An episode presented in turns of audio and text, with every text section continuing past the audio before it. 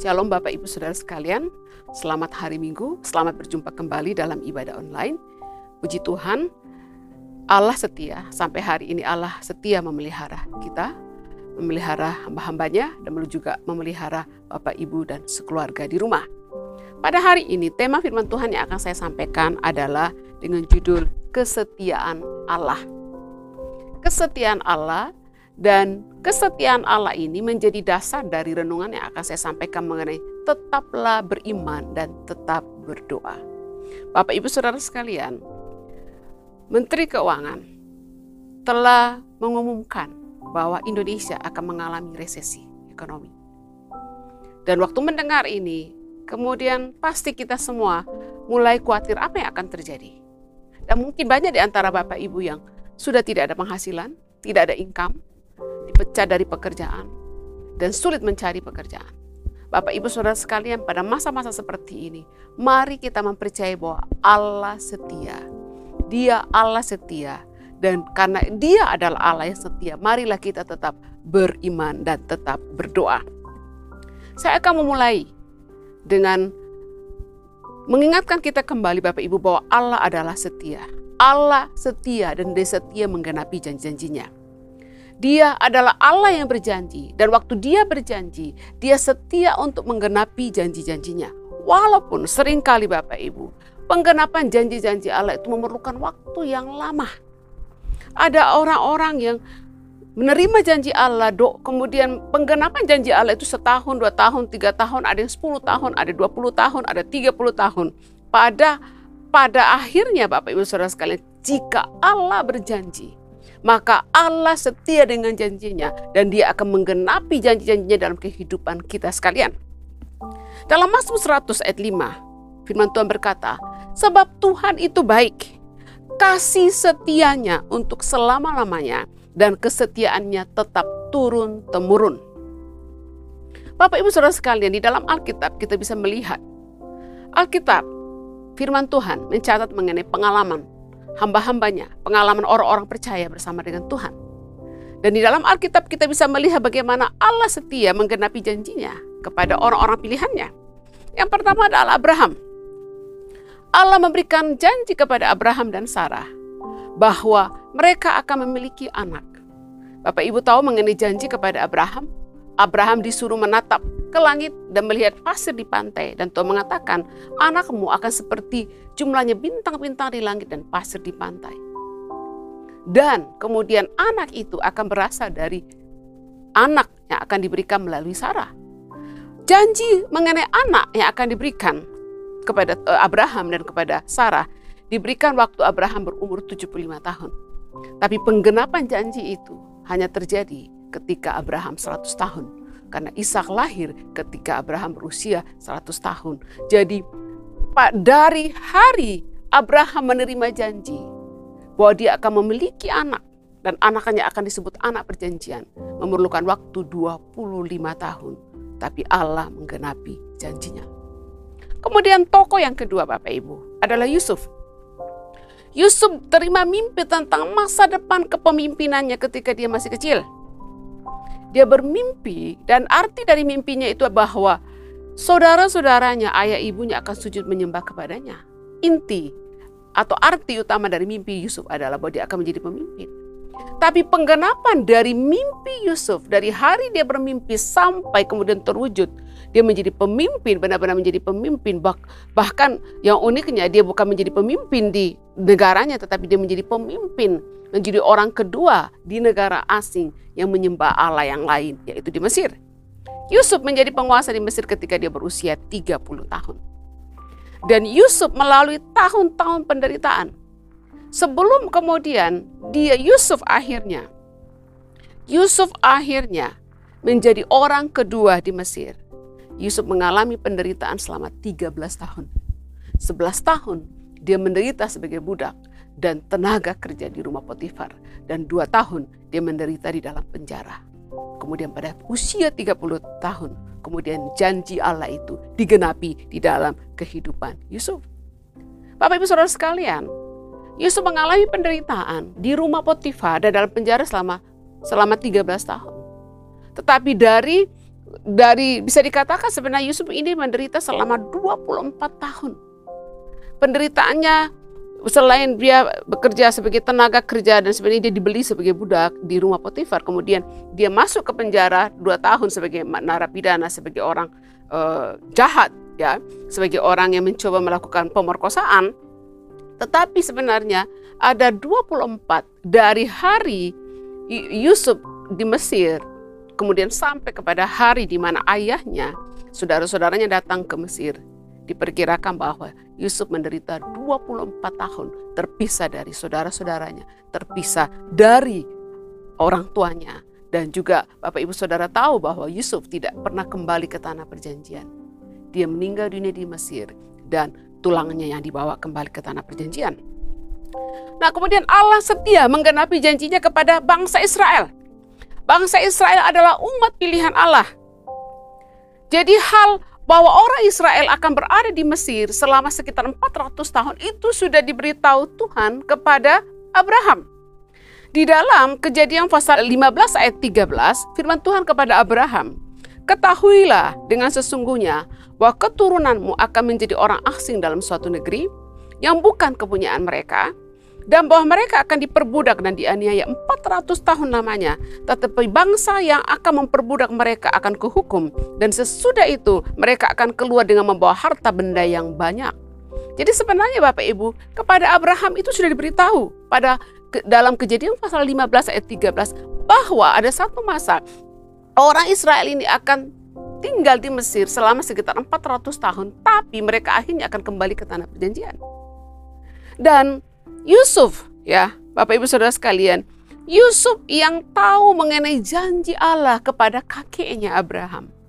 Dia tahu janji Allah bahwa memang orang Israel itu akan tinggal di Mesir selama sekitar 400 tahun. Dan tapi mereka akan kembali ke tanah perjanjian. Yusuf di dalam kejadian pasal 50 ayat 4 sampai 25 berkata demikian.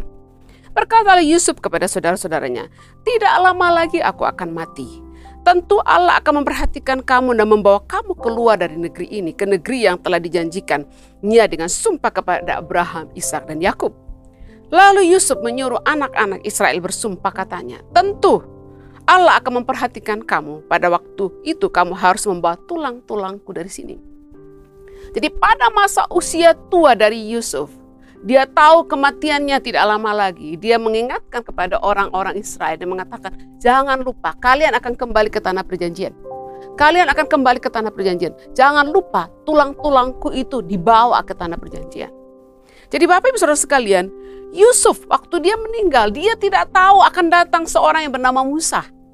Yusuf tidak tahu bahwa satu waktu Musa itu akan dihanyutkan oleh orang tuanya di sungai kemudian diambil oleh putri Firaun dan diangkat menjadi anak. Tetapi Yusuf yang mempercayai janji Allah dan dia tahu bahwa ada Allah adalah setia yang berjanji kepada Abraham, Ishak dan Yakub. Dan Allah karena itulah Yusuf mengatakan kalian akan kembali ke tanah perjanjian. Kalian akan kembali ke tanah perjanjian. Dan waktu kalian kembali kembali ke tanah perjanjian, ingat jangan lupa bawa tulang-tulangku kembali ke tanah perjanjian. Dan Bapak Ibu sekalian, Keluaran pasal 12 40.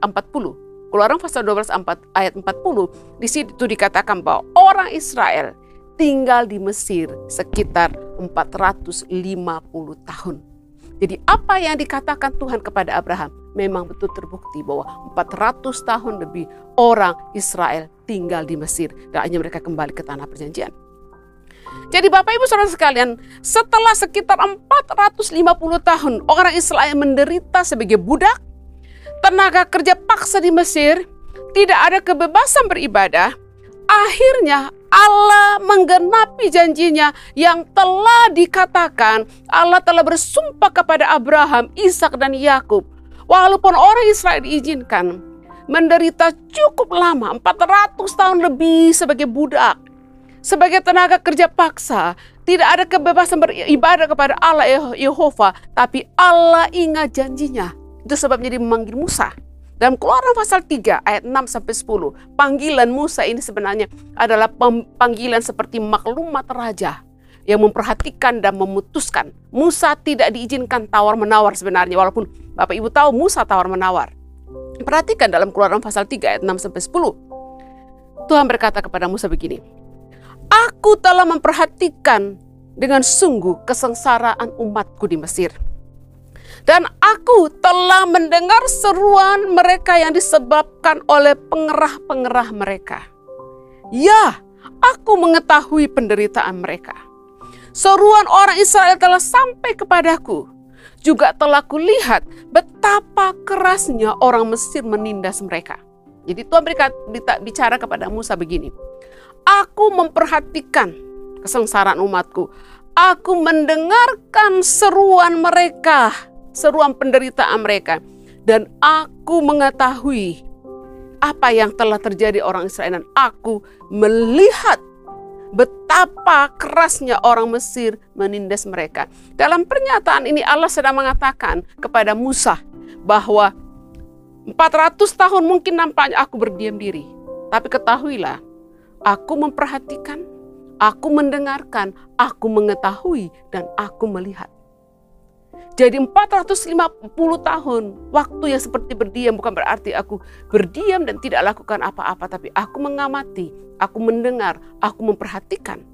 Sebab itu, kata Tuhan kepada Musa, Sebab itu aku telah turun untuk melepaskan mereka dari tangan orang Mesir dan menuntun mereka keluar dari negeri itu ke suatu negeri yang baik dan luas, suatu negeri yang berlimpah-limpah susu dan madunya. Jadi sekarang, kata Tuhan kepada Musa, pergilah Aku mengutus engkau kepada Firaun untuk membawa umat ke orang Israel keluar dari Mesir. Bapak, Ibu, Saudara sekalian, Allah yang berjanji kepada Abraham, Ishak dan Yakub dan kemudian itu dipercaya oleh Yusuf. Kemudian akhirnya Musa diutus oleh Tuhan. Janji Allah digenapi, walaupun nampaknya Allah mengizinkan orang Israel menderita selama 450 tahun. Tapi pada akhirnya Allah yang berjanji akan turun tangan dan menggenapi janjinya. Dan Bapak Ibu, kalau Allah mau menggenapi janjinya, dia akan melakukan segala macam cara untuk menggenapi janjinya. Dan Bapak Ibu tahu, apa yang Allah lakukan kepada Mesir sebagai usaha untuk membebaskan umatnya. Allah mengacungkan tangan kepada Mesir supaya mereka melepaskan orang Israel untuk kembali ke tanah perjanjian. Nah Bapak Ibu Saudara sekalian kemudian Musa mengulang mengingatkan kembali orang Israel dalam ulangan pasal 7 ayat 8 sampai 9. Tetapi karena Tuhan mengasihi kamu dan memegang sumpahnya yang telah diikrarkannya kepada nenek moyangmu maka Tuhan telah membawa kamu keluar dengan tangan yang kuat dan menebus kamu dari rumah perbudakan yaitu dari tangan Firaun Raja Mesir. Sebab itu haruslah kau ketahui bahwa Tuhan Allahmu, dialah Allah, Allah yang setia, yang memegang perjanjian dan kasih setianya terhadap orang-orang yang dikasih, yang orang-orang yang kasih kepadanya dan berpegang pada perintahnya sampai kepada beribu-ribu keturunan. Musa mengingatkan, Musa tahu bahwa dia tidak akan bisa masuk ke tanah perjanjian. Dan Musa mengatakan kepada orang-orang Israel, ketika kamu tiba dalam ke tanah perjanjian, jangan lakukan ini, jangan lakukan itu, jangan lakukan itu. Dan ayat ini luar biasa Bapak Ibu. Musa sedang mengatakan kepada orang Israel bahwa Allah itu setia kepada janjinya. Karena Allah mengasihi kamu dan memegang sumpah yang telah diikrarkannya kepada nenek moyangmu. Dan Musa mengatakan bahwa Tuhan Allahmu, dia adalah Allah, Allah yang setia dan memegang perjanjian dan kasih setianya kepada orang-orang yang mengasihi dia. Bapak ibu saudara sekalian Allah setia.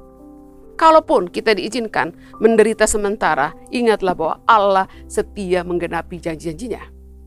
Bapak Ibu Saudara sekalian, Bapak Ibu yang sudah pernah menikah, ya, yang sudah menikah puluhan tahun, coba ingat kembali ikrar nikah, janji nikah yang Bapak Ibu lakukan ketika pemberkatan nikah di gereja. Saya izinkan saya mengutip isi dari janji nikah itu. Isi janji nikah itu begini. Di hadapan Tuhan dan para jemaat sebagai saksi, saya, nama, menerima engkau, nama, sebagai suamiku atau istriku yang sah. Saya berjanji setia kepadamu dalam untung dan malang, kaya atau miskin, dalam sakit atau sehat. Saya berjanji akan selalu mendukungmu menggenapi panggilan Tuhan yang telah ditetapkannya sejak semula. Bersama-sama kita akan melayani Tuhan. Saya berjanji akan mencintaimu dan menghormatimu seumur hidupku sampai maut memisahkan kita. Demikianlah janji saya. Bapak Ibu Saudara sekalian, isi dari janji nikah ini apa? Isi dari janji nikah ini ada bicara mengenai kesetiaan sang mempelai wanita dan mempelai pria saling membuat janji satu sama lain. Dan janji itu adalah isinya lebih bicara mengenai kesetiaan.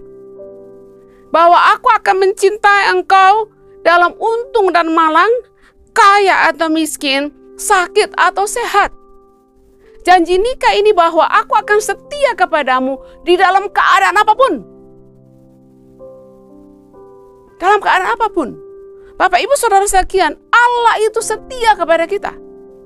Allah setia kepada kita. Seringkali kita kita ini Bapak Ibu hanya berpikir bahwa Allah baik, Allah setia ketika doa-doa kita dijawab, ketika keadaan kita baik-baik, ketika ada terjadi mujizat-mujizat, segala yang kita perlukan ada dan kita mengatakan Tuhan baik, Tuhan setia.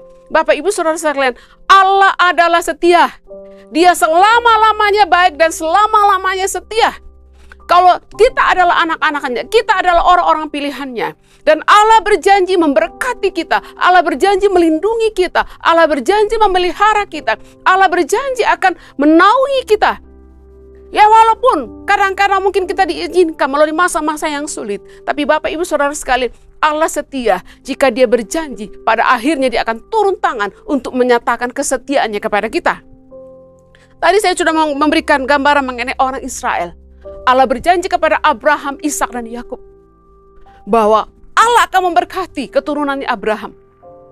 Dan Allah akan menyatakan juga kepada Abraham bahwa keturunanmu suatu waktu itu akan dibuang ke Mesir, akan pergi ke Mesir dan tinggal di Mesir. Tapi aku akan membawa mereka kembali.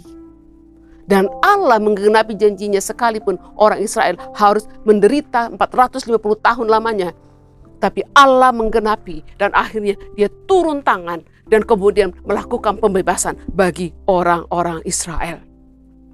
Bapak Ibu Saudara sekalian, Allah setia untuk menggenapi janji-janjinya. Jika Allah setia kepada janjinya, apa yang harus kita lakukan? Tema pada hari ini adalah kesetiaan Allah. Dan subtemanya adalah tetaplah percaya dan tetaplah berdoa. Bapak Ibu Saudara sekalian, apakah Bapak Ibu sedang dalam keadaan yang sulit? Atau Bapak, Bapak Ibu kita Bapak Ibu telah melewati banyak masa-masa yang sulit dalam kehidupan. Mungkin ada di antara kita yang baru menghadapi masa-masa yang sulit selama masa pandemi ini. Apa pun keadaannya, ingatlah Bapak Ibu bahwa Tuhan setia dan dia menggenapi janji-janjinya. Jika Allah adalah setia kepada janji-janjinya, apa yang harus kita lakukan? Kalau Allah itu setia kepada janji-janjinya, maka kita harus tetap mengasihi Allah dalam keadaan apa pun. Kita harus tetap mempercayai Allah dalam keadaan apa pun dan kita tetap harus berdoa. Pada hari ini, bicara mengenai kesetiaan Allah, saya ingin mendasarkan khotbah saya. Sebenarnya tema yang saya, yang saya ingin sampaikan pada hari ini adalah berdoa. Tetap percaya, tetap beriman, dan tetap berdoa. Tetap percaya, tetap berdoa dengan mendasarkan iman dan usaha untuk terus berdoa tidak henti-hentinya kepada kesetiaan Allah. Allah setia. Karena Allah setia, saya akan terus mempercayai dia. Karena Allah setia, saya akan terus berdoa. Sampai doa saya dijawab. Nah Bapak Ibu Saudara sekalian, kesetiaan Allah adalah fondasi dari alasan kita untuk tetap mempercayai Allah dan tetap berdoa. Di dalam Alkitab, dalam perjanjian baru, Yesus sendiri mengajarkan banyak hal tentang berdoa. Ada banyak hal ajaran-ajaran Yesus, baiklah ajaran langsung maupun melalui perumpamaan tentang doa. Dan di dalam Lukas pasal 11, pada hari ini saya ingin mengambil dua perumpamaan. Perumpamaan itu adalah di mana Yesus sedang menekankan pentingnya berdoa dan beriman. Beriman dan berdoa. Yang pertama adalah dalam Lukas pasal 11 ayat 5 sampai 13. Bapak Ibu bisa baca di rumah. Lukas 11 ayat 5 sampai 13 saya akan meringkaskan begini. Ini perumpamaan tentang dua orang ibu. Nah, hari ini saya anggap aja yang satu bernama Ibu Ani, kemudian yang kedua bernama Ibu Berta. Ibu Ani ini kedatangan tamu dan tamu itu adalah sahabatnya. tamunya ini singgah sebenarnya. Dia tamunya ini sahabatnya sedang mengadakan satu perjalanan ke satu tempat dan mungkin kemalaman dan singgah bermalam di rumahnya. Kemudian ternyata Bu Ani ini karena sahabatnya itu tiba tengah malam. Ternyata di rumahnya tidak ada apa-apa yang bisa dihidangkan pada sahabatnya. Kemudian Ibu Ani ini pergi ke rumah tetangganya Ibu Berta. Kemudian Ibu Ani ketuk-ketuk pintu. Ibu Berta, Ibu Berta, pinjamkanlah kepadaku tiga roti. Sebab seorang sahabatku sedang berada dalam perjalanan singgah di rumahku dan aku tidak mempunyai apa pun untuk dihidangkan kepadanya. Kemudian Ibu Berta menjawab, Jangan ganggu aku. Pintu sudah tertutup. Aku serta anak-anakku sudah tidur. Aku tidak dapat bangun dan memberikannya kepadamu. Kemungkinan kita tidak tahu jam berapa. Kemungkinan Ibu Ani ini ketuk-ketuk rumah Ibu Berta itu mungkin jam 1 subuh atau jam 2 subuh. Jam-jam nyanyaknya tidur. Kemudian Yesus berkata di akhir dari perumpamaan ini. Sekalipun Ibu Berta itu tidak mau bangun dan tidak mau memberikan tiga roti kepada Ibu Ani untuk dihidangkan kepada sahabatnya namun karena sikap Ibu Ani yang tidak tahu malu itu, ia akan bangun juga dan memberikan kepadanya apa yang diperlukan. Mengapa Yesus mengatakan bahwa Ibu Ani ini yang minta tiga roti ini tidak tahu malu? Pertama-tama, yang nggak tahu malu, masa sih di rumah tidak ada stok makanan? Kemudian yang kedua, kok ketuk-ketuk pintu rumah orang tengah malam subuh atau mungkin menjelang pagi? Orang sudah tidur, sudah sudah nyenyak, sepi dan gedor-gedor rumah orang, tidak tahu malu dan meminta. Walaupun mungkin sampai Ibu Berta ini enggan memberikannya, tapi mengatakan karena sikap Bu Ani yang tidak tahu malu ini, Ibu Berta juga akhirnya memberikan. Dan kemudian apa Yesus mengatakan? Di sini dia meng mengakhiri perumpamaan ini dengan berkata, "Oleh karena itu aku berkata kepadamu, mintalah, maka akan diberikan kepadamu. Carilah maka kamu akan mendapat. Ketuklah maka pintu akan dibukakan bagimu. Karena setiap orang yang meminta menerima. Setiap orang yang mencari mendapat. Setiap orang yang mengetuk, pintu akan dibukakan baginya. Bapak manakah? Kemudian Yesus melanjutkan, Bapak manakah di antara kamu? Jika anak meminta ikan, kamu memberikan dia ular. Atau anak meminta telur, kamu berikan dia kala jengking. Dan Yesus berkata, jadi jika kamu yang jahat tahu memberikan pemberian yang baik kepada anak-anak-kamu, apalagi Bapamu yang di surga, ia akan memberikan roh kudus kepada mereka yang meminta kepadanya. Dalam perumpamaan ini, Yesus memberikan mengenai dua orang ibu yang tengah malam tidak tahu malu datang mengetuk mengetuk pintu rumah orang tengah malam dan meminta roti. Dan Yesus menekankan bahwa akhirnya ibu ini mendapatkan sesuatu karena yang memberikan itu jengkel dan pikir ini orang kok tidak tahu malu. Dan memberikannya. Dan kemudian Yesus sedang mengatakan, kamu yang jahat saja tahu memberi pemberian yang baik kepada anak-anakmu. Apalagi aku. Kalau engkau datang kepadaku meminta, engkau akan mendapat. Semua mengatakan, mintalah maka kamu akan mendapat. Carilah maka kamu akan menemukan. Terus apa? Ketuklah pintu, maka pintu akan dibukakan bagimu. Kemudian dalam perumpamaan yang kedua dalam Lukas pasal 18 ayat 1 sampai 8. Di sini juga Yesus sedang mengajarkan pentingnya mengajarkan pentingnya iman dan doa. Yesus mengajarkan mengenai pentingnya iman dan doa. Dengan perumpamaan mengenai hakim yang lalim. Dalam sebuah kota ada seorang hakim yang lalim dan garis bawahi ini Bapak Ibu. Dalam sebuah kota ada seorang hakim yang tidak takut akan Allah dan tidak menghormati siapa pun. Dan di kota itu ada seorang janda yang selalu datang kepada hakim itu dan berkata, "Belalah hakku terhadap lawanku." Dia minta pembelaan dari dari hakim ini. Beberapa waktu lamanya hakim itu menolak. Kenapa hakim itu menolak? Kemungkinan ibu ini tidak cukup punya uang, tidak punya uang yang cukup untuk membayar jasa dari hakim ini. Ditolak. Tapi kemudian janda ini terus menerus datang. Mungkin janda ini datang pagi, siang, sore. Dia tidak peduli lagi, dia mungkin dulu masih sopan-sopan ketuk pintu. Kalau ini mungkin dia pokoknya teriak-teriak di depan rumah hakim. Pak Hakim tolonglah aku. Kenapa? Karena hakim ini kan tidak takut Allah. Hakim ini tidak hormati siapa pun. Apalagi janda itu. Tapi Bapak Ibu Saudara sekalian apa yang terjadi?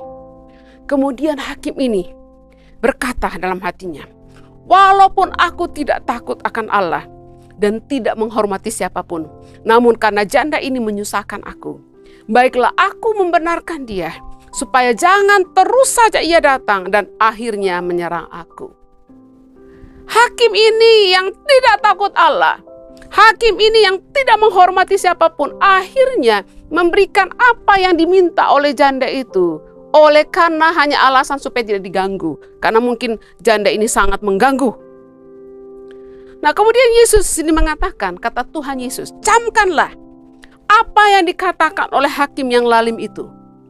Tidakkah Allah akan membenarkan orang-orang pilihannya yang siang malam berseru kepadanya? Dan adakah ia mengulur-ngulur waktu sebelum menolong mereka? Yesus berkata, aku berkata kepadamu, ia akan segera membenarkan mereka. Akan tetapi jika anak manusia itu datang, adakah ia mendapati iman di muka bumi? Jadi Yesus sedang mengatakan perlunya iman. Iman dan terus berdoa dan memakai perumpamaan hakim yang jahat, yang tidak takut Allah dan tidak menghormati siapa pun. Tapi karena janda ini terus menerus datang, tidak tahu malu, mengganggu dia.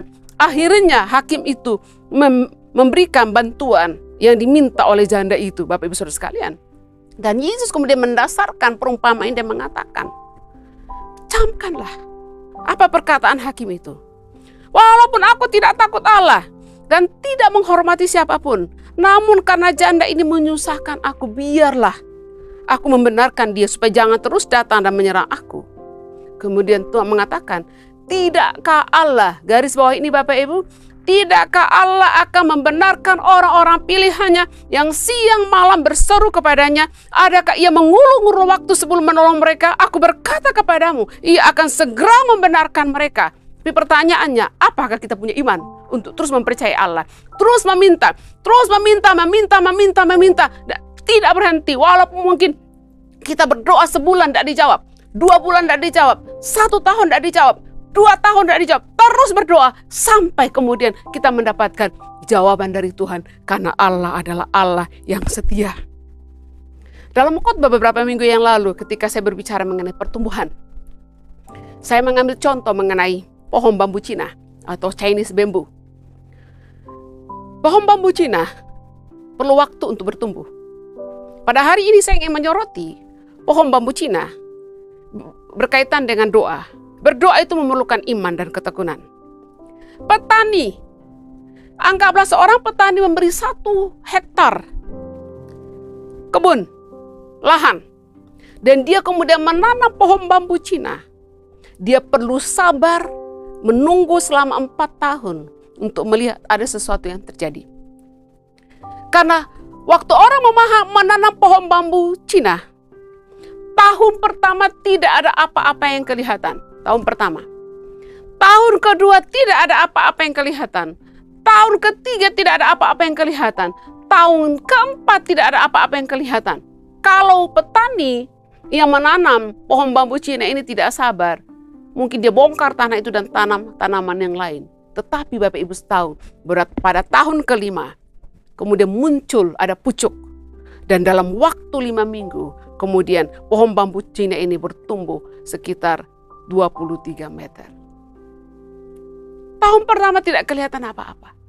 Tahun kedua, tahun ketiga, dan saya yakin pemilik kebun yang menanam pohon bambu Cina ini, dia akan terus menyirami tanah itu, menyirami ladang itu, menyirami dan tidak emosi untuk membongkar dan tanam-tanaman lain. Dia terus menyirami. Pada akhirnya tahun kelima ada sesuatu yang terjadi. Bapak Ibu, adakah doa Bapak Ibu yang sampai hari ini belum dijawab oleh Tuhan? Bapak Ibu Saudara, saya mempercayai Tuhan. Saya percaya kepada kuasa doa. Dalam kehidupan saya pribadi Bapak Ibu. Dalam kehidupan saya pribadi, dalam kehidupan pelayanan saya mengandalkan doa. Saya percaya bahwa ada kuasa dalam doa.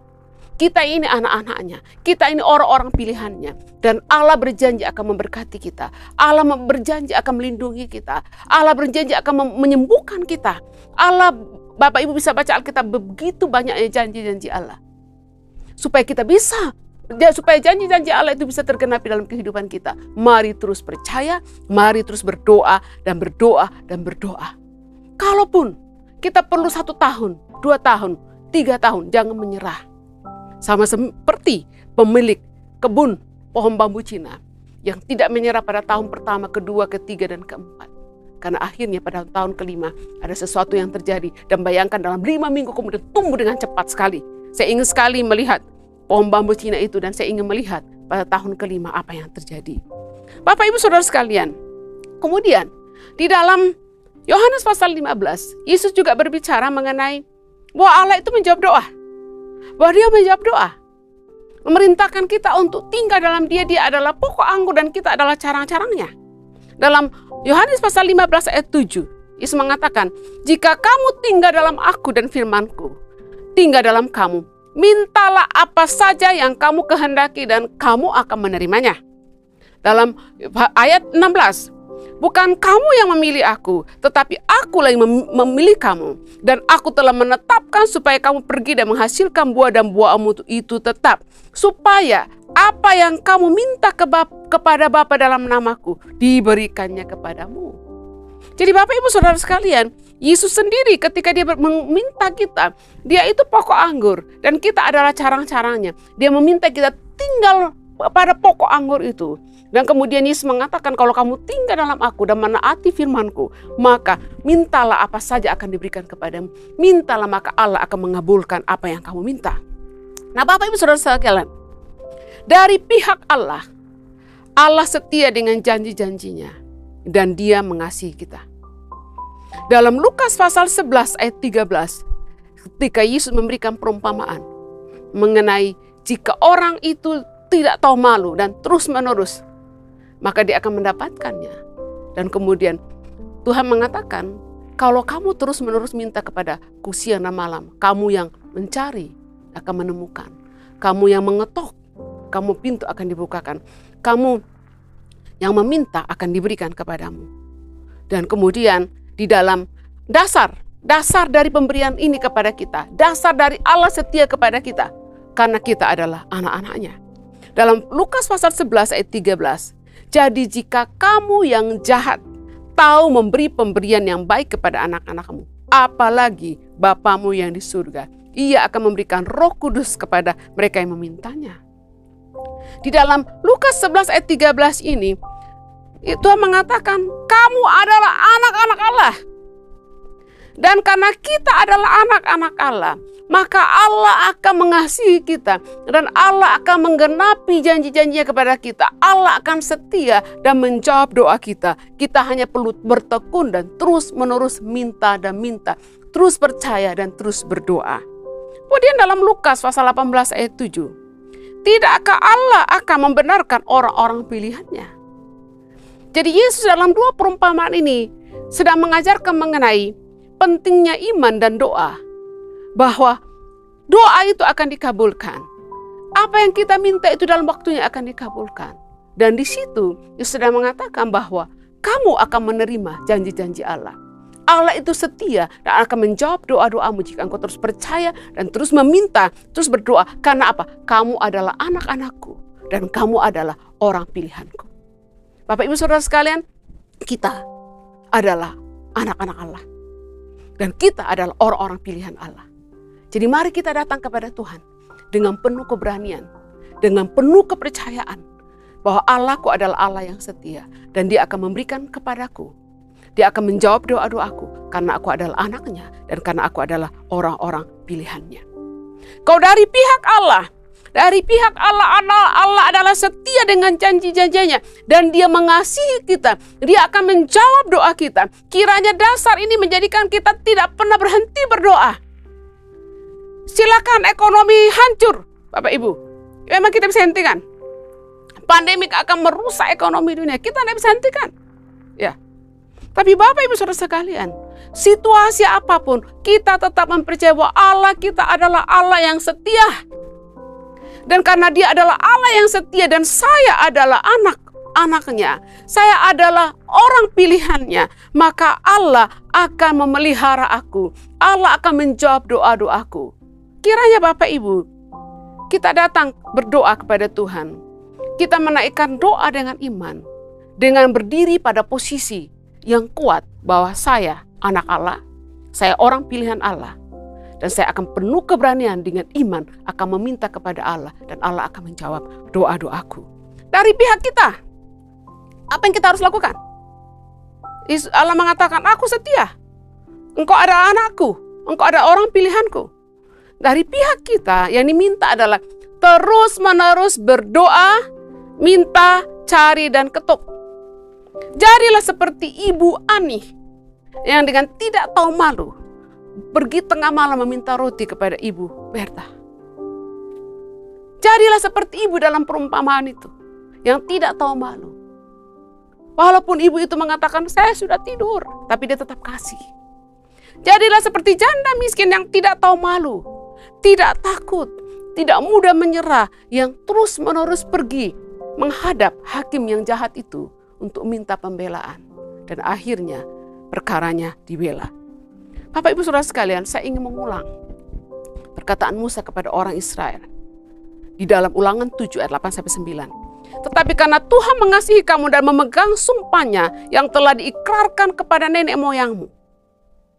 Kemudian bagian ayat 9. Tuhan Allahmu, dialah Allah, Allah yang setia, yang memegang perjanjian dan kasih setianya terhadap orang yang kasih kepadanya, yang berpegang pada perintahnya. Bapak Ibu Saudara sekalian, jika engkau mengasihi Allah, dan berpegang pada perintahnya. Engkau adalah orang pilihan Allah, engkau adalah anak-anak Allah, dan Allah itu setia. Dia memegang perjanjiannya, dan dia akan setia memelihara engkau. Dia adalah Yehova Jireh, Allah yang menyediakan. Kalau engkau sedang dalam keadaan kesulitan secara ekonomi, Allah Yehova Jireh, dia akan menyediakan. Jika engkau dalam keadaan sakit, dia adalah tabib, jika engkau sedang dalam keadaan masalah dan perlu kemenangan, dia adalah Yehova Nisi, panji-panjimu. Dia berjanji dan akan menggenapi. Jadi Bapak Ibu jangan putus asa. Jangan kecil hati. Jangan fokus kepada masalah yang terjadi di sekitar kita. Fokuslah kepada Allah yang maha kuasa. Allah yang ajaib. Allah yang setia. Allah tidak akan membiarkan kita. Allah akan turun tangan. Bapak Ibu Saudara sekalian. Saya ingin menutup firman Tuhan ini dengan kesaksian pribadi saya dan dalam pelayanan. Bapak Ibu Saudara sekalian, waktu saya kuliah di Singapura, saya pergi uh, ke Singapura kuliah dan kemudian uh, saya pada tahun pertama itu masa-masa yang paling sulit. Sebenarnya eh, selama ada di sana masa-masa yang paling sulit. Tapi masa-masa paling sulit di situlah saya melihat mujizat Tuhan. Bapak Ibu Saudara sekalian, pada bulan-bulan pertama saya itu tidak ada uang. Jadi ada kampus, kemudian ada asrama, hostel namanya, ada hostel. Jadi dari hostel ke kampus itu sekitar 15 menit naik bis dan perlu bayar. Kemudian ke kampus. Kami harus ke kampus setiap hari dari Senin sampai Jumat. Ya, kadang ya sampai Senin sampai Jumat. Nah, Bapak Ibu Saudara sekalian, ini di negara orang. Saya orang baru, tidak kenal siapa pun. Tetapi pada masa-masa itu Seringkali Bapak Ibu saya sudah tidak ada uang untuk makan, tidak ada uang bahkan untuk isi eh, kartu namanya isi link untuk bisa dipakai untuk naik bis atau naik MRT. Dan Bapak Ibu, pada masa-masa itu banyak mujizat terjadi. Tiba-tiba ada orang datang ke saya amplop. Isinya beragam. Ada 10 dolar, ada 50 dolar, ada 200 dolar. Tapi ada juga masa-masa di mana tiba-tiba ada dosen saya yang sudah uh, pensiun dan tinggal uh, sudah kembali ke negaranya di Kanada. Namanya Pastor Paul Hawk. Dia kadang-kadang datang cari saya, mana Sarah, where is Sarah? Kemudian Bapak itu kasih saya kantong kresek. Dalam kantong kresek itu Bapak Ibu Saudara sekalian ada 30 butir telur rebus. Dan dosen saya ini mengatakan, this is for you. Wah, telur rebus itu Bapak Ibu Saudara saya simpan di kulkas, saya cicil satu persatu. Untungnya saja saya tidak bisulan karena makan telur. Allah menyediakan kebutuhan. Jadi Bapak Ibu Saudara sekalian saya masih ingat satu peristiwa. Saya pelayanan, akhir pekan itu saya pelayanan di gereja Immanuel Assemblies of God yang ada di Upper East Coast. Saya tinggal di hostel di Upper Thompson Road. Jadi kalau Bapak Ibu pernah ke Singapura, pasti tahu ini. Jarak antara Upper, Upper Thompson Road dan Upper East Coast itu jauh sekali. Jadi dari Upper Thompson Road, tempat hostel di mana saya tinggal, saya harus naik bis ke tempat yang namanya City Hall. Kemudian dari City Hall, saya naik kereta atau MRT ke Bedok. Kemudian dari Bedok, saya naik bis ke gereja di Upper Upper East Coast. Nah, satu waktu Bapak Ibu Saudara pada hari Minggu, saya tahu waktu saya berangkat, waktu saya tempelkan kartu e-ceiling ini, itu di dalam itu kalau nggak salah sudah tinggal 50 sen. 50 sen. Padahal perjalanan sekali perjalanan itu habis sekitar 5 dolar. Jadi waktu saya turun di gereja di Upper East Coast pada hari Minggu pagi, saya turun tinggal 50 sen di dalam. Saya tidak punya uang, di dalam ATM saya hanya ada sisa 10 dolar. Itu nggak bisa ditarik, 100 ribu. Dan kemudian sepanjang ibadah saya mulai berpikir bagaimana saya pulang ke asrama. Bagaimana saya pulang? Isi link saya, kartu saya tinggal ada 50 sen dan saya tidak punya uang sama sekali. Kemudian Bapak Ibu sepanjang ibadah saya doa Tuhan kiranya ada anti-anti kasih saya amplop. Kiranya ada orang kasih saya amplop. Tidak usah banyak-banyak 5 dolar aja udah cukup. Nah Bapak Ibu Saudara sekalian selesai ibadah tidak ada yang kasih saya amplop. Kemudian selesai ibadah kami diajak oleh Pastor Reman dan Ibu Erna untuk pergi makan malam karena ibadahnya sore. Di dalam selama makan makan malam pun saya berdoa Tuhan kiranya ada yang digerakkan. Dan waktu itu Bu Susani, Ibu Susani Pasar Ibu juga sedang ada ke Singapura karena dulu sering masuk ke eh, ke Singapura untuk pelayanan bersama. Nah kemudian setelah selesai makan malam, Pastor Reman mengatakan gini, ayo Bu Sani, Sarah saya antar, saya antar kalian ke Santek City di Santek City itu sedang ada ada expo, ada pameran. Kalian mau lihat-lihat ya? Boleh. Kata Bu Sani pengen, kalau waktu itu kalau tidak salah Bu Sani pengen cari sesuatu. Kemudian saya sama Bu Sani di drop dari dari gereja tempat makan ke Santek City. Berarti oh sudah. Nah di Santek City kemudian saya sama Bu Sani jalan-jalan lihat karena ada lagi promo, ada ada expo. Nah Bapak Ibu Saudara sekalian, Begitu tiba, jadi selama makan malam pun sebenarnya Bapak Ibu saya sudah doa Tuhan, Tuhan gerakkan Pastor Raymond untuk kasih 5 dolar aja. Gerakkan Ibu Erna untuk kasih 5 dolar saja. Ternyata juga selesai diantar, nggak ada yang ngasih saya uang 5 dolar. Nah kemudian kami pergi ke Santek City. Kemudian ikut Bu Sani ke sana kemari, tidak tahu Bu Sani cari apa waktu itu. Dari belakang Bapak Ibu Saudara sekalian, saya dari belakang begini, Tuhan gerakkan Bu Sani untuk kasih saya 5 dolar aja. Gerakkan Bu Sani untuk kasih 5 dolar saja. Bapak Ibu Saudara sekalian, setelah kami mutar-mutar, Bu Sani kemudian kalau salah nggak salah dia naik taksi untuk ke Habupron untuk balik ke Batam karena dia mau balik ke Batam. Kemudian Bu Sani bilang, bye bye Sarah, see you next week. Kemudian saya bilang, Tuhan, Bu Sani tidak tergerak saya 5 dolar, bagaimana saya balik asrama? Kemudian saya bilang, Tuhan, kalau dari Santek City saya jalan kaki ke Upper Thompson Road, saya bisa tiba itu jam 3 subuh. Dan waktu itu saya berdoa, gimana caranya? Puji Tuhan Bapak Ibu Saudara sekalian. Tuhan lakukan mujizat. Tapi Tuhan melakukan mujizat bukan tiba-tiba ada orang kasih saya uang. Tidak. Ternyata dari Santet City itu ke City Hall ada yang namanya shuttle bus. Shuttle bus itu adalah bis yang kita bisa naik gratis. Dan saya kemudian naik shuttle bus itu dari Santek City ke City Hall. Nah dari City Hall itu tinggal naik bis satu kali. Dan karena masih ada 50 sen, saya masih bisa pakai. Dan kemudian saya naik. Dan begitu saya tiba di Upper Thompson Road, kemudian saya turun dari bis, kemudian saya tempelkan isi link saya itu ke mesinnya, Bapak Ibu Saudara sekalian. Di situ muncul minus minus kalau tidak salah satu dolar. Jadi kartu saya minus. Saya bisa sampai ke asrama yang seharusnya saya perlu 5 dolar. Tapi Allah siapkan pertolongan dengan cara yang lain. Caranya apa? Pastor Raymond drop kami ke Santek TV, eh, Santek City Kemudian dari Santek City ke City Hall ternyata ada shuttle bus bis yang gratis. Allah setia, ya Bapak Ibu.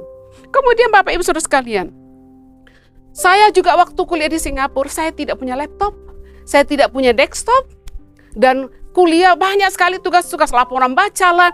Biasa satu mata kuliah laporan bacanya tiga, kemudian ada tem paper dan banyak sekali. Dan saya nggak punya laptop, saya nggak punya desktop. Saya juga nggak punya uang untuk membeli. Jadi Bapak Ibu kami tinggal di asrama. Di asrama itu dihuni oleh mahasiswa dari sekitar 13 negara. Dan ada beberapa mahasiswa Indonesia. Dan uh, waktu itu TCA Theological Center for Asia itu menyewa tiga kondominium di di Singming Plaza tiga kondominium dan satu itu ditempati oleh mahasiswa yang cewek dan ada uh, suami couple di situ. Di situ Bapak Ibu Saudara sekalian ada mahasiswa dari berbagai negara, ada dari Shanghai, ada dari Korea, kemudian ada orang Filipina, ada orang Indonesia juga, ada orang Chinese. Nah Bapak Ibu Saudara sekalian, karena saya tidak punya laptop, saya harus tunggu teman-teman saya selesai kerjakan kerjaannya dan kemudian dengan dengan tidak tahu malu datang, bolehkah aku pinjam laptopmu? Bolehkah aku pinjam desktopmu? Bolehkah aku pinjam komputermu? Bolehkah aku pinjam printermu? Dan Bapak Ibu Saudara sekalian, karena yang namanya meminjam, biasanya teman-teman saya tidak lagi pakai komputernya itu tengah malam. Jadi pada saat itu kadang-kadang saya sendirian di ruang tamu. Tengah malam mengerjakan tugas-tugas karena teman-teman saya hanya bisa meminjamkan laptopnya atau komputernya pada saat mereka sudah mau tidur. Dan kemudian waktu itu saya berdoa, Tuhan, Tuhan lakukanlah mujizat. Saya tidak bisa kayak begini. Saya harus menunggu orang tidak pakai komputernya baru saya bisa pakai. Dan itu tengah malam. Padahal pagi-pagi kami harus ke kampus. Saya berdoa Bapak Ibu Saudara sekalian. Dan kemudian mujizat terjadi. Mujizat terjadi sekali lagi. Ada aja cara Tuhan. Selalu ada cara Tuhan untuk menolong kita. Suatu waktu kami, saya waktu itu karena ikut membantu pelayanan e, ibadah bahasa Indonesia di Immanuel of God bersama dengan Pastor Raymond dan Ibu Erna. Kemudian satu waktu mereka ada leaders retreat, pastor and leader retreat di Batam. Kemudian saya diajak waktu itu di Harris Hotel yang ada di waterfront. Kemudian dalam satu dinner, ini ini sekali lagi Bapak Ibu keajaiban. Waktu dalam dinner barbecue di pinggir itu malam terakhir ada barbecue di di kolam renang di pinggir kolam renang yang ada di Harris Hotel. Kemudian saya satu meja dengan Bu Arta dan Pak Edwin Pena pastor yang pastor dari Immanuel Assemblies of God waktu itu adalah Pastor Alfred Ang. Kemudian Pastor Alfred Ang ini foto foto kiri kanan. Kemudian habis itu uh, Pastor Ang bilang gini, Sarah uh, kasih saya emailmu, nanti foto-foto saya kirim. Uh, saya juga nanti akan kirim ke Arta dan Edwin. Kemudian Bapak Ibu Saudara sekalian, secara spontan, dan saya yakin Bu Arta lupa hal ini. Bu Arta mengatakan gini, Pastor Ang, Sarah itu nggak punya laptop. Sarah itu nggak punya komputer. Pastor kirim pun foto-foto dia nggak bisa lihat. Nah Bapak Ibu Saudara sekalian, itu peristiwa waktu kami ada di Batam. Setelah itu balik ke Singapura. Saya terus berdoa, Tuhan saya perlu satu set komputer dengan printer. Dan suatu waktu Bapak Ibu Saudara sekalian, habis ibadah, kami kan ibadah yang bahasa Indonesia di Immanuel Assemblies of God itu sore. Pastor Ang cari saya. Sarah, saya dulu dengar di Batam, saya dengar dari Arta bahwa kamu nggak punya komputer. Nanti sore setelah selesai ibadah Indonesia, bahasa Indonesia, cari saya ya. Nanti kamu ikut ke rumah. Anak saya baru beli komputer satu set, baru tiga bulan, dan ada printernya. Kemudian dia pindah ke Amerika Serikat. Saya yakin kami tidak perlu itu. Nanti kamu ikut ke mobil, saya ambil di rumah dan saya antar kamu ke asrama. Bapak Ibu Saudara sekalian, setelah ibadah selesai saya cari Pastor Ang. Kemudian saya naik mobil bersama Pastor Ang dengan istrinya Pastor Ang, kemudian dibawa ke rumahnya dan kemudian seperah satu set komputer. Desktopnya, keyboardnya, mouse-nya, kemudian printer yang bagus saudara diangkut dan saya pulang ke asrama. Sekali lagi Allah menjawab doa. Bapak Ibu Saudara sekalian, STT Injil Bakti Caraka ada sampai hari ini karena berdoa karena mempercayai Allah setia dan waktu kita berdoa kepadanya Allah akan menjawab doa-doa kita. Bapak Ibu Saudara STTBC mulai dari tidak ada apa-apa. Waktu saya pindah ke Batam hanya memakai kompor minyak tanah. Tidak ada kulkas, tidak ada apa-apa. Kemudian perintisan Bethesda Ministry yang ada di Batam, Anugerah Ministry, dan perintisan-perintisan yang ada di kota lain, Bapak Ibu Saudara sekalian. Allah menjawab doa ketika kita berdoa.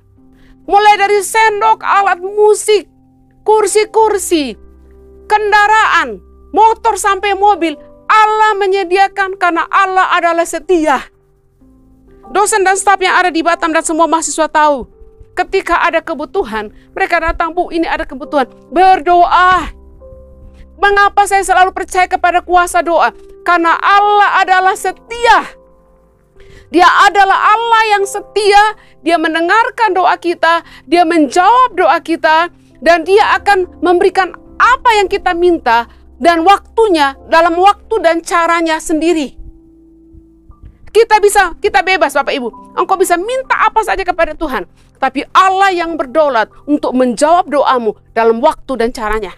Sama seperti tadi yang saya ceritakan Bapak Ibu. Saya berdoa ada orang kasih saya amplop supaya saya, supaya saya bisa pulang ke hostel. Tapi Tuhan buka jalan dengan cara lain. Dengan cara apa? Pastor Raymond drop kami ke Santek City.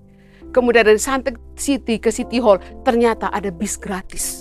Dan akhirnya dengan walaupun saya turun minus, saya masih bisa turun. Bapak Ibu Saudara sekalian, kehidupan saya adalah anugerah Tuhan sampai hari ini. Sekalipun mungkin tidak ada uh, Bu Naomi beberapa hari yang lalu nanya, kamu ada emas nggak? Saya bilang kenapa tanya-tanya? Ya siapa tahu krisis ekonomi kita bisa jual emas. Saya katakan saya nggak punya emas. Perhiasan saya semua palsu, semua imitasi. Tuhan akan memelihara. Tuhan akan memelihara karena kita adalah anak-anaknya. Kita adalah orang pilihannya dan Allah setia. Karena Allah setia, teruslah beriman dan teruslah percaya. Bapak Ibu yang engkau yang ada di rumah, apa yang menjadi pokok doamu? Apa yang kau butuhkan? Apa yang kau perlukan? Apa pun itu, datang kepada Allah seperti orang yang meminta roti yang tidak tahu malu itu. Datang kepada Allah seperti janda yang tidak tahu malu itu dan tidak mudah menyerah terus menerus, terus menerus, naikkan doa siang dan malam, maka Allah setia, dia akan menjawab tepat pada waktunya. Bapak ibu saudara sekalian, Allah setia, dan karena Allah setia, teruslah beriman, dan teruslah berdoa, dan percaya bahwa Allah akan menjawab doa-doa kita. Bapak ibu saudara sekalian, mari responi firman Tuhan. Apa yang menjadi kebutuhanmu, apa yang menjadi keperluanmu, apa pun naikkan di hadapan Tuhan. Kita akan menyanyikan lagu Goodness of God. Kebaikan Allah. Allah baik, dia setia selama-lamanya